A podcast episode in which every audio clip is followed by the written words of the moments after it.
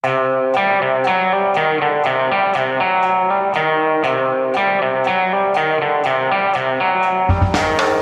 død over USA til død over diktatoren. Stemningen har snudd i Iran. Og er lederartiklene i norske aviser fullstendig meningsløse? Dette snakker vi om i Giæver og gjengen mandag den 13. januar. Ja, eh, Per Olav Ødegaard. Eh, jeg holdt på å si aldri et kjedelig øyeblikk. Det er flåste sagt om en alvorlig verdenssituasjon, men det er helt utrolig hvordan hele fortellingen om Iran og USA har snudd i løpet av et par dager etter at det ble kjent at dette flyet, som vi jo snakket om her i forrige uke, vi stilte spørsmålstegn hvordan ja, om det virkelig var tilfeldig at det ble skutt ned samme dag som Iran skjøt mot disse amerikanske basene. Og nå har stemningen snudd fullstendig på gata i Teheran etter at uh, ledelsen i landet innrømmet at de sto bak den nedskytingen ved en feiltakelse. Ja, vi husker jo de store uh, samlingene som var etter um, generalens død, da, etter at USA hadde drept en Soleimani, denne eh, iranske generalen, i Bagdad. Eh, da var det jo veldig store folkemengder som eh, ropte, som du sier, død over Amerika, og rettet sitt sorg og sin braseri mot USA. Eh, nå eh, var det i helgen vendte det seg mot regimet igjen, mot det iranske regimet. Det er ikke de samme som demonstrerer? Nei, det er, det, det, det er nok ikke det. Og det er slik at det iranske samfunn kanskje er litt mer komplisert og sammensatt enn det det ofte ser ut som på litt avstand. Um, Eh, det er eh, utvilsomt slik at det er en god del i Iran som støtter regimet, men det er også en ganske så stor opposisjon mot dette regimet. Og noen ganger så er, eh, går opposisjonen, får den også med seg ganske brede lag av befolkningen, sånn som det vi så i høst i november, da det var veldig store demonstrasjoner over hele Iran. Utløst av en prisøkning, men også for å uttrykke eh, mistillit og, til regimet. Men eh, når de da roper eh, eh død over diktatoren, er det Khamenei de eh, retter det mot, eller er det presidenten? Det er nok Det rettes egentlig mot begge to. Altså eh, Rouhani, presidenten, er jo valgt eh, etter den iranske valgordningen. Den øverste leder, Ali Khamenei, han er jo ikke valgt. Og han er bare den andre leder i den islamske republikken Iran, eh, etter Khomeini. Eh, og det retter seg nok mot på en måte systemet. Ja, så de representerer. Men, men hvor eh, eh, risikofritt er det for folk å gå og rope død over diktatoren i et sånt land hvor de henger folk i heisekraner på torget for eh, langt mindre ting? Nei, de utviser et veldig stort mot. fordi vi har jo sett tidligere flere ganger eh, opp gjennom historien eh, at eh, iranerne har tatt i gatene og sagt hva de mener. Gitt uttrykk for det, våget veldig mye.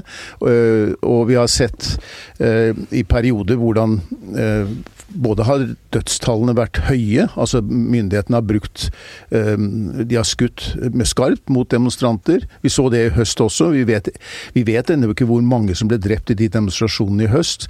Man opererer med et tall på 300, det kan være langt høyere. Og, og de fengsler tusener. Og så det er med betydelig personlig risiko. Og dette er jo, synes jeg, da forteller om et regime som ikke føler at de sitter trygt når de må bruke sånn overveldende makt mot fredelige demonstranter. Og du har vært i Iran flere ganger. Du har også vært der, eh, Hanne Skartveit. Eh, det er, eh, det er en synlig politisk, altså rett under overflaten synlig politisk opposisjon i Iran. Det er ikke veldig vanskelig å komme i kontakt med opposisjonelle når man er der, er det det? Absolutt ikke. Jeg har vært i både Iran og Saudi-Arabia. Den store forskjellen er at i Iran snakker folk fritt når du møter dem. Det er høyt utdanna, smarte folk. Eh, universitetene er befolka unge kvinner og unge menn. Eh, de har karrierer, de jobber alle sammen. Og det er eh, helt, en helt annen luft i luka, opplevde jeg i Iran enn i Saudi-Arabia. Begge er jo eh, styrt av veldig streng eh, islamsk lov. Sunni versus Shia, men likevel det er veldig stor forskjell på de to samfunnene når det gjelder mot og åpenhet til å snakke fritt. Er dette, noe, er dette kimen til en eh, ny iransk revolusjon? Kan det være det, Per Olav? Ja, eh, jeg tror det kan være det. Nå, nå, har vi sett mange ganger tidligere at uh, du har hatt ganske store massebevegelser mot regimet, og de har klart å gjenvinne kontrollen hver gang. Uh, og det er, er, det noe som jeg har lært av å følge med på denne utviklingen, er det at å forskuttere og si hva som blir det neste. Jeg kom på det i dag når jeg satt og skrev om det, at Jimmy Carter i 1977 sa at, at Iran under Shah Shahen er en, er en fredelig øy i et hav av ustabilitet, som Midtøsten var den gang. Et år senere så ble Shan jaget fra makten i den, i den revolusjonen som fulgte. Og, så det viser hvor vanskelig det er å på en måte forutsi hva som det neste som kan skje. Men jeg synes at regimets de er veldig de er livredde, og jeg tror at noe av dette med at eh, de forteller De forteller ikke sannheten. altså De, de, de påsto at det var 80 amerikanere som ble drept i disse rakettangrepene mot baser i Irak, i deres, i deres hevnangrep. Det var ingen. Eh, de, bortforklarer dette Eh, med, de, eh, med, det ukrainske flyet med å si at det må ha vært en teknisk feil. Det tar tre dager før de da faktisk vedgår hva som egentlig skjedde. De våger ikke å fortelle sannheten før de må, eh, og de er redd for hva som er reaksjonen i sitt eget folk. Så skal vi huske at revolusjonen i 1979 var mye bredere enn en islamistisk eh, revolusjon. Det var basarfolk, eh, forretningsfolk, intellektuelle, studenter. Det var veldig, veldig bredt. Sosialister, kommunister.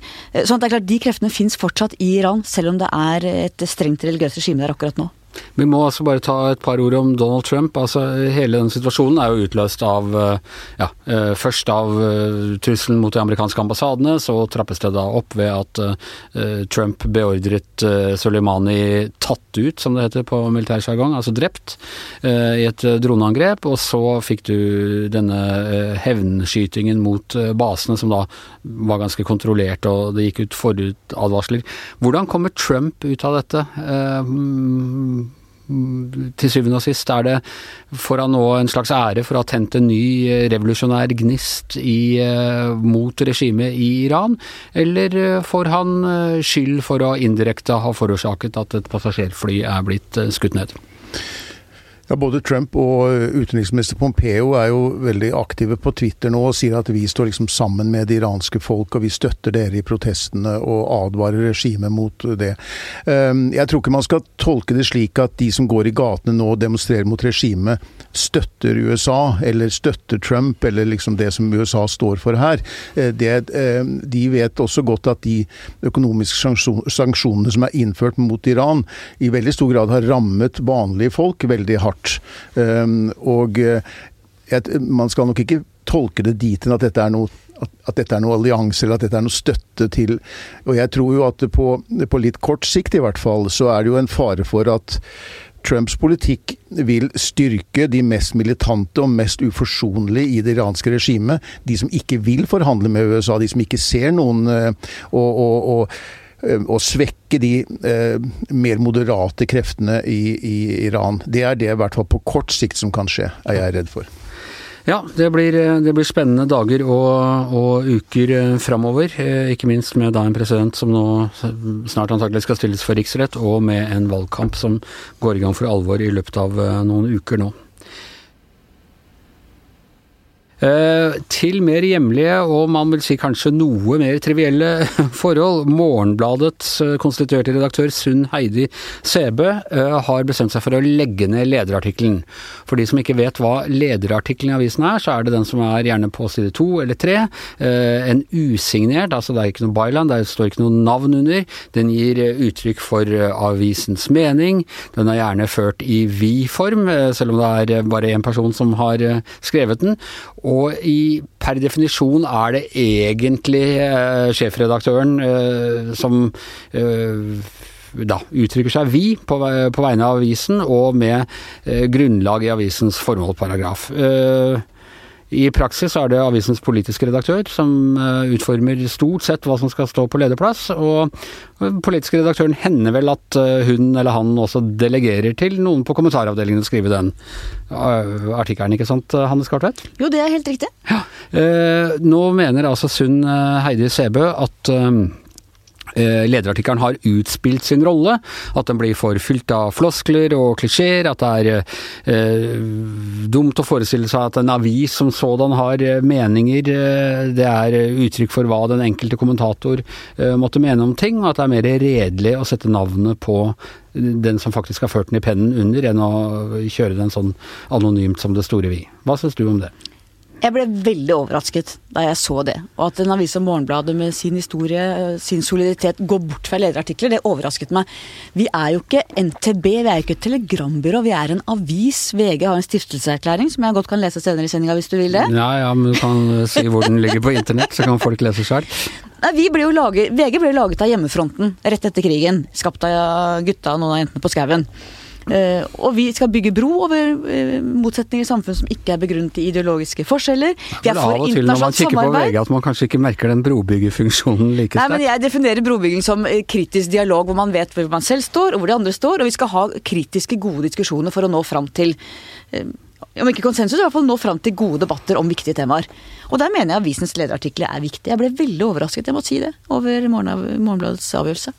Og Noe av det, det, som også hevdes, er at uh, disse lederartiklene de blir ikke lest. Uh, Hans Petter Sjøli, du som er debattredaktør hos oss, og som også har ansvaret for uh, meningsstoffet på nett, er det, er det sant?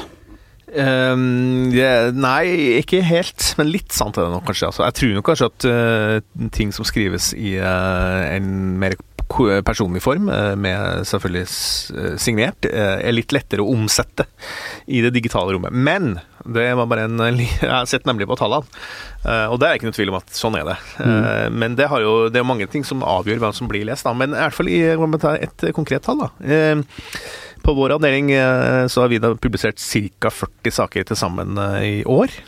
Altså i 2019? I, i 2020. Nei, 2020 er vi kommet til nå, ja. Sorry. Ligger og den uh, lederartikkelen som uh, er mest lest, den ligger da uh, nummer åtte på den lista av 40. Mm. Og den ble veldig godt lest. Hva betyr, handler den om? Den handla vel om Iran. Jeg tror det var ja, litt, litt i det kjølvannet av det dere snakka om i stad. Uh, så det betyr jo ikke at man kan fastslå at ledere ikke leses. Det er ikke sant. Nei. Og så er det jo, uh, er det jo litt sånn at uh, avisen dør med dagen. Det ligger i journalistikkens natur. Veldig mye av det vi skriver er i betyr ikke all verden i, i morgen om man pakker fisk i, eller i hvert fall gjorde man det for internett osv. Men innimellom så skriver man jo også ledere som det blir en del bråk om, Hanne. Du har jo skrevet et par ledere som virkelig du har måttet ut og forsvare en del? Ja da, f.eks. da Gjørv-kommisjonens rapport kom i 2012, så var jo VG det eneste riksavisen som eh, ga daværende statsminister Jens Stoltenberg det rådet at han burde trekke seg, som ja. følge av eh, å ta ansvaret for beredskapssvikten. Ja. Eh, det er en leder jeg også i ettertid er veldig glad for at vi skrev, som jeg tror var viktig for mange. Eh, vi forsvarer stadig vekk monarki på lederplass. Vi er veldig tydelige på ja til EU, som jo ikke er ukontroversielt, men like fullt veldig dyptfølt fra både meg som politisk aktør og ut fra avisens stiftelseserklæring. Så jeg vil si noen ledere blir jo litt sånn eh, Det er ikke hver dag det er like mye å skrive veldig skarpt om.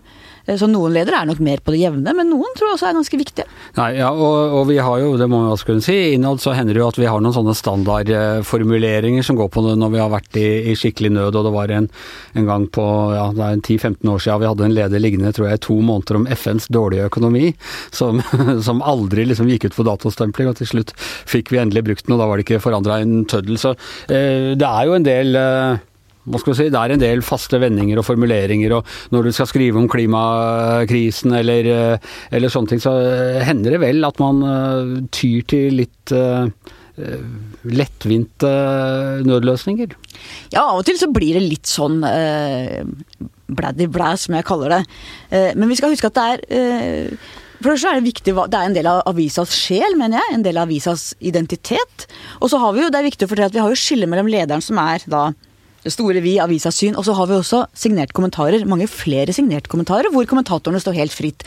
Alle dere kan jo skrive noe stikk motsatt av det vi mener på lederplass, for det ligger i friheten å være kommentator. Men avisas skal på lederplass være konsistent og, og Målet vårt er at vi skal følge en linje hvor du er på en måte forutsigbare. Vi mener, vi mener ja til EU hver gang vi skriver om EU. Men er det ikke altså Det er jo en pussighet f.eks. at uh, man skulle tro at eh, vi, vi går jo stort sett veldig mot eh, anonymitet, ikke sant. Vi, vi, vi skal mye til at vi trykker anonyme innlegg, det skal være spesielt god begrunnelse for anonyme kilder. Eh, vi raser mot denne doremus og hvem det måtte være, og anonyme kommentarfelt og sånn. Men så er selve avisens liksom, hovedmening fremsettes anonymt. Men det er ikke anonymt. Det er jo, øverste ansvarlig er jo sjefredaktøren, og han har delegert det til meg. Så de gangene vi blir angrepet for noe på lederplass, så er det jo meg som skal svare. Av og til spør folk hvem er det som har skrevet lederen. Jeg sier det spiller ingen rolle, jeg svarer. Så det er, det er et navn der. Hanne Skartveit er navnet man skal da henvende seg til. Ja, og Gard Staurud er mannen som må dømmes i retten hvis vi har skrevet noe ulovlig.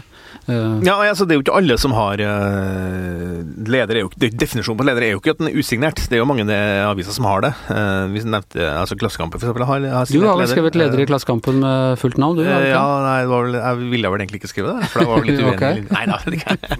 Men, men har, du hatt, har du hatt leder på trykk i Klassekampen med navnet ditt på? det, jeg husker jeg faktisk Det vet du Nei, nei, nei, nei, seriøst, det vet jeg ikke. Men, men det som jeg, det jeg reagerte litt på her, eh, så, så det er ikke noe sånn fast at en leder må være usignert. Det, det- vi kunne jo for så vidt ha gjort det sånn her. Og så skrev jeg f.eks. Hanne Skartvedt hun er lederne i VG. Det kunne hun gjort. Men det som er så rart, er at uh, i en ukeavis som Morgenbladet, som har da eh, skriver, Altså, vi skriver jo ledere hver dag, og da kan jeg ofte kanskje bli litt, litt. sånn fem på deadline-leder, som noen sier. Ikke Ja. sant? Men der har de i hvert fall tid til å gjøre det. Eh, Og da, hvis de sier at lederne blir for slappe, så må de slutte å skrive, slapp. da, Skriv en skarp og god leder.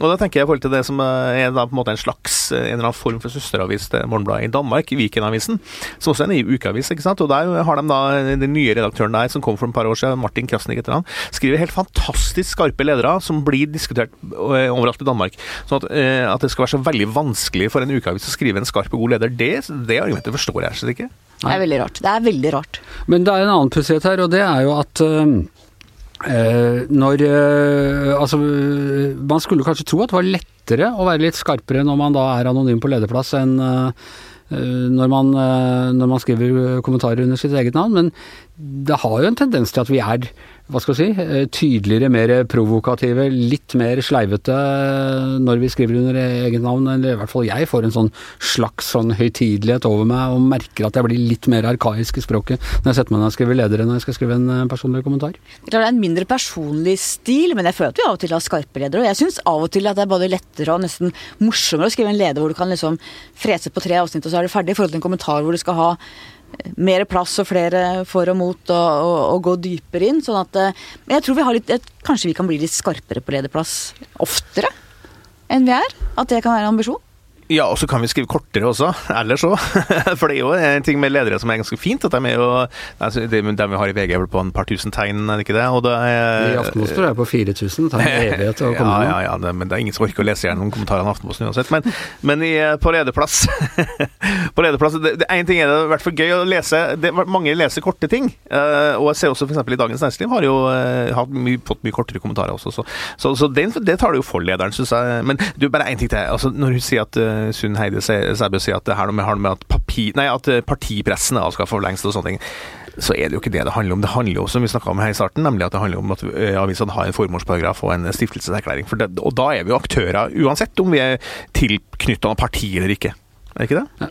Og det er vel litt sånn at øh, hvis man da Hvis absolutt alt skal være signert, og alt blir bare det individuelle ansvaret, så forsvinner litt hele ideen om å ha en øh, Ja, hva som er utgangspunktet for å drive med avis i det hele tatt. Ja, NRK har jo ikke ledere, for de mener jo ingenting, og det er en statsfinansiert institusjon som ikke har en sjel på samme måte som VG har. Det hadde vært bra om de leste opp en sånn øh, greie hver morgen hva NRK mente om ting på, på P2 sånn klokka halv åtte. Det hadde vært øh, instruks til folket. Sånn var det jo Bjartmar Gjerdes tid. Da var jo han oppe og leste opp. Nei da. Nei. Nei, men det er jo viktig. altså. Eh, Det som gjør en avis en avis, eh, jeg syns er for at lederne er et sånn emblem som vi ikke må i, i markedstilpasningens tid bare liksom bare kaste ut av eh, på søppelen. Det syns jeg er en veldig dårlig strategi. Vi må holde på det som er vår egen art. da. Jeg er veldig glad i lederen, jeg. Ja.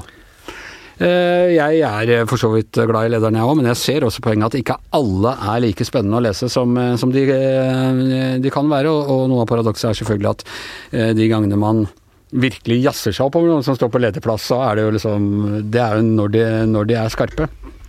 Men Jeg bare, Den gang som det var i større grad partiaviser. Og da var det jo veldig lite interessant egentlig hva som sto i lederen. Hvis man fulgte med den politiske debatt, så kunne du på en måte forutsi på forhånd hva en Høyre-avis ville mene om et aktuelt tema, og en Arbeiderpartiavis ville mene. Det at, det, at parti, partitilknytningen ikke lenger er der, gjør jo at avisene selv må ha sitt tydelige og klare idégrunnlag, og liksom stå for det. Og, ha, og det, det syns jeg egentlig bare bør kunne gjøre lederne mer interessante. Men det var også tøffere tider eh, i, deler av partipressen. Jeg hørte en gang for mange år siden, kommer stadig tilbake til et program på NRK, om en krangel mellom Martin Tranmæl, som var eh, redaktør i Arbeiderbladet, og, og en eh, leftvinger, i hvert fall i utgangspunktet, i Arbeiderpartiet, som polemiserte mot konkurrenten Tønsbergs Blad i Tønsberg, og hvor han hadde skrevet at i Tønsbergs Blad, der hvalspekket blander seg med fascismen til en kvalmende smørje. Og den tonen har forsvunnet litt fra norsk presse, Hanne. ja, vi er ikke helt der. Jeg tror ikke det er målet å komme dit heller. Et sted midt imellom, da. De finnes på underlederplass, de tingene der. ja. Eh, vi har jo skrevet underledere som vi har måttet, du måtte nesten til Strasbourg og forsvare, Hanne. Ja, og aldri beklage, bare forsvare. Ja, aldri beklage, bare forsvare. Yes, sånn er det. Jeg tror jeg avslutter med å sitere Georg Johannessen, eh, kjente bergensk poet og professor i retorikk, med at hvis statslederne lurer på hva de skal foreta seg, Clinton og Jeltsin og disse, for det var på den tiden, så kan de bare lese lederne i norske aviser. Da står det hva de gjorde galt i går, og hva de kan gjøre riktig i morgen. Eh, og med det så takker vi for oss her i Giæver og gjengen. I studio i dag Per Olav Ødegaard, Hans Petter Sjøli, Hanne Skartvedt, Anders Giæver og vår store eh, anonyme leder Magne Antonsen bak spakene.